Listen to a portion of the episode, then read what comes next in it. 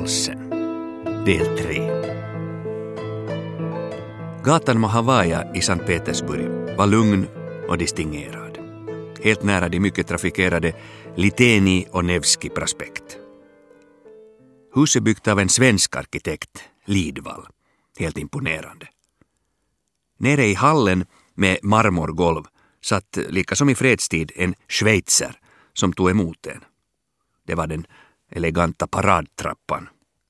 Men kökstrappan, Tjorni, den svarta, är obeskrivbar. Alla grannar sopa ut och kasta ut dit både sopor och smuts och den rengjordes aldrig, åtminstone inte under de tre månader jag såg den.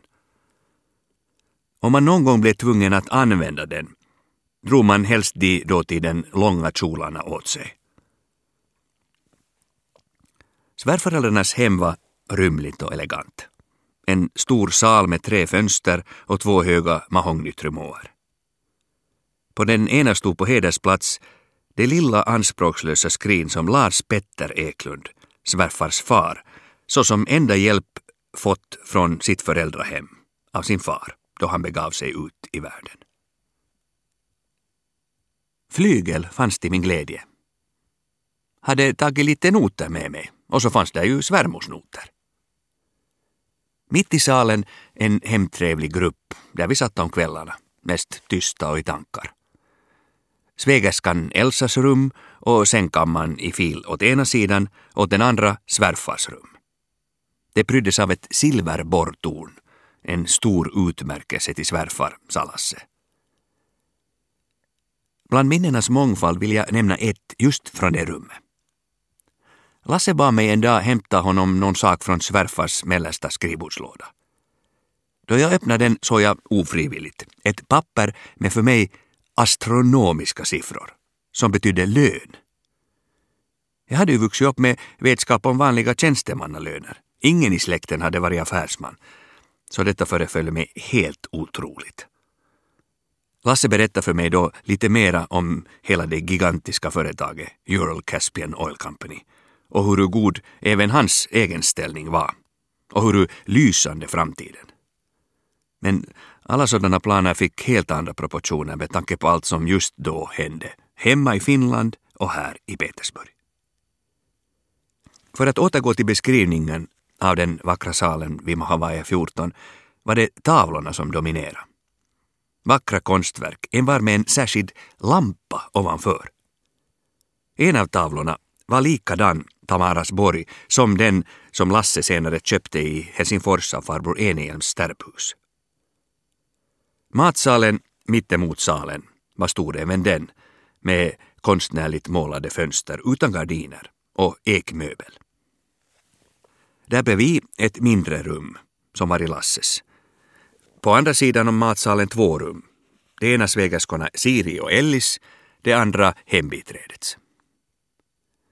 I något av dessa hade moster Ottil, svärmors moster, bott. Hon tyckte om att stå vid fönstret och se på trafiken och undra över varför människorna på Petersburgs gator går och åker av och an hela tiden. I tjänarinnerummet bodde nu husan Aino, nyförlovad med en finne av grann färg.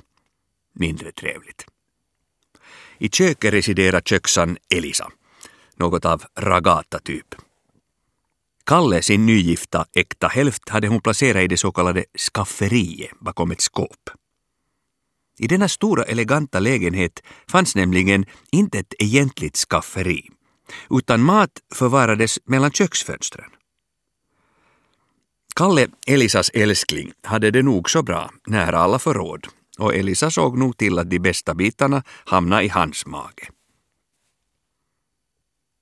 Jag hade under några veckors tid i Helsingfors tagit lektioner i ryska, som jag aldrig läst i skolan.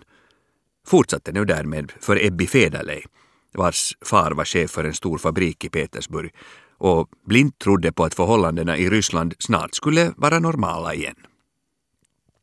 Jag hyste en gruvlig respekt för köksan Elisa. Det blev allt svårare att vara värdinna då matknappheten blott tilltog dag för dag. Ljuspunkten under dagen var promenaderna till och från Lasses kontor, tre kilometer vardera vägen. Under mitt tidigare besök i Petersburg hade det varit bistert råkallt. Men nu dessa tre orosfyllda månader var det strålande vårsol mest hela tiden. Den harmonierar illa med svälten omkring en och inom en. För att inte tala om skottlossningen och den obeskrivbara smutsen på gatorna. Min tro på ryssarnas varma hjärta mot djur, som man alltid hört om tidigare, fick en knäck då jag såg en stor stackars utsvulten häst ligga på gatan och lida. Ett ungt par stod bredvid, skrattande och snattrande utan att bry sig om den lidande hästen eller mina energiska försök att på dålig ryska be dem skaffa polis för att skjuta det arma kräket. Följande dag hade hästen dött och kadavret låg där sedan tre månader i solskenet. Och chiliga stackars hundkräk höll den sällskap. De stöp av svält här och där. Sådan var ordningen. En annan typisk gatubild var tiggarna. Invalider från kriget 1914 påstods det, som kantade gatorna och sträckte ut mer eller mindre obefintliga händer mot förbipasserande. En av dem tyckte jag särskilt synd om och gav honom varje dag en liten slant på min väg till Lasses kontor. En dag regnade och råkade vara särskilt folktomt. Jag såg mig om på den stackars människan som satt som en klump utan armar och ben. Döm om min bestörtning då detta människovrak försiktigt såg sig omkring, sträckte ut obefintliga armar och ben och raskt sprang in i en närbelägen portgång. Han fick sedermera undvara min slant. Min tro på människorna hade fått en knäck. Hunden Jenny var mitt dagliga och trogna sällskap. På en av våra uteturer ville en individ fara iväg med det vackra djuret. Min skrala ryska räddade den då jag högljutt skrek ”Njet, maja sabaka, maja sabaka”. Från hemlandet kom till en början tunnsådda underrättelser per mammas brev och genom den svenska prästen. Allt såg mörkt och osäkert ut och man levde för dagen. I garaget stod svärfars fina bil men vem skulle våga åka bil eller ens kunna göra det på sådana gator? Plötsligt en dag ringde tamburklockan, en ovanlig företeelse. Jag öppnade och där stod en genomtrött och smutsig yngling som jag först trodde var Walter Winter. Men han visade sig vara Torsten Winter som jag ej tidigare ens sett. Efter en mycket strapatsrik resa från Baku genom hela Ryssland hade han kommit till Petersburg för att om möjligt få träffa fästmön Siri, min svägerska. Det lät sig verkligen göra, underligt nog, ty någon dag därpå anlände svärfar till Petersburg med dottern Siri. Och så började vår märkvärdiga och man kan använda det ordet trevliga vistelse tillsammans och vår kamp för tillvaron under dessa overkliga månader. På vanligt Eklundskt vis diskuterades så lite som möjligt. Fastän svärfar och Lasse besökte kontoret varje dag. Skeende både hemma i Finland och i Ryssland var för överväldigande och osäkert och fruktansvärt för att man skulle kunna göra upp planer eller tänka och tala om ens lilla jag. Eller i vår familj var det ju i högsta grad vi.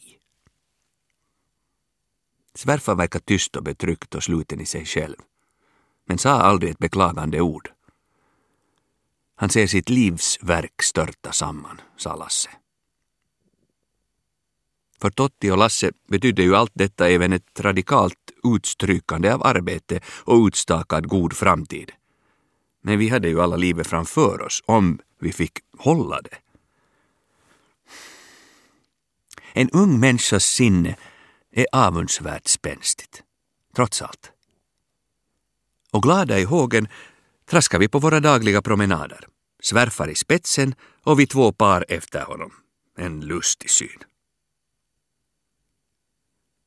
Emellertid började det bli allt svårare att skaffa den dagliga maten. Vi skojar med vårt skåpsupande, ty om hungern kändes svår lättade en smula att ta en klunk madeira ur svärfars vinförråd. En bit socker därtill smakade bra. Det fanns nämligen en stor påse eller säck med socker samt en annan med en slags cakes, mest smulor. Dem hade vi funnit i husets gömmor. En gång fick jag av Ebbi Federley ett Mariekex. Nämndes ej äta upp det, utan slicka upp det småningom. Det var en verklig njutning. Varje morgon kom ett smutsigt bud uppför den även smutsigare svarta trappan, Tjorni, bärande en stapel bröd som han ömt tryckte ner på sitt flottiga hår. Av dessa bröd gavs oss ett som genast stacks in i en ugn för att desinficeras och skars sen i bitar av vilka alla fick varsin. Gav min bit till Lasse, ty han var ju i arbete och behövde det mera än jag. När tiden närmade sig tedags sköts tebordet in i salen. Men man blev ej mätt av tevatten. Det var den tiden av dygnet när man kände mest av hungern. För att hålla upp humöret brukade jag då spela en vals av Ivanovic som vi gav namnet Hungervalsen. Och den var verkligen uppickande.